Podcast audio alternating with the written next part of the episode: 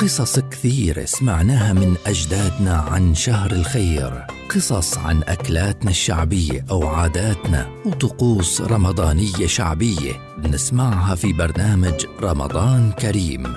رمضان كريم برنامج رمضاني يصحبنا فيه الحكوات حمزة العقرباوي خلال شهر رمضان في مثل هذا الموعد عبر أجيال.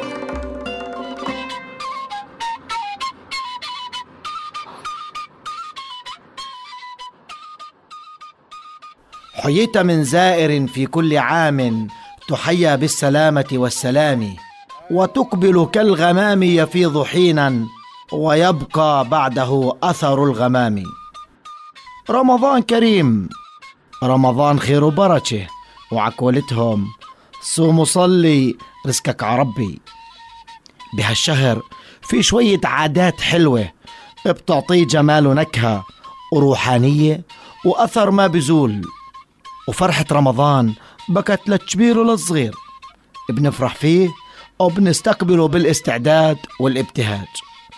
حتى الأطفال بكوا يمشوا في الشوارع والحارات مشان ياخذوا لهم حبة حلو شوية كظامة رغيف خبز.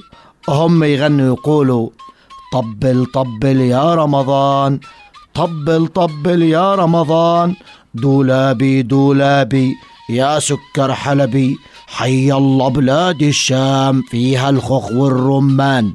لولا ابو فلان ما جينا حلوا الكس وأعطونا.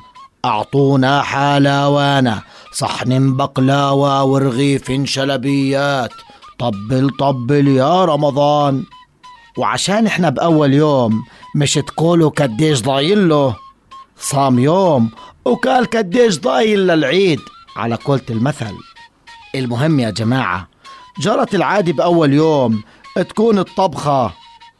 أوله إبيض أو خضر يعني يا معدلات أول يوم الطبخة فيها لبن أبيض زي المنسف مثلا. أو إشي أخضر خبز ملوخية وإشي من هيك. من باب التفاؤل في هاي الألوان فلازم تدبرن حالشن على البدري. ومثل ما قال صاحبنا قوت رمضان ما ظل في غير عشرتين وتسعة أيام وتالي هاليوم ورمضان كريم.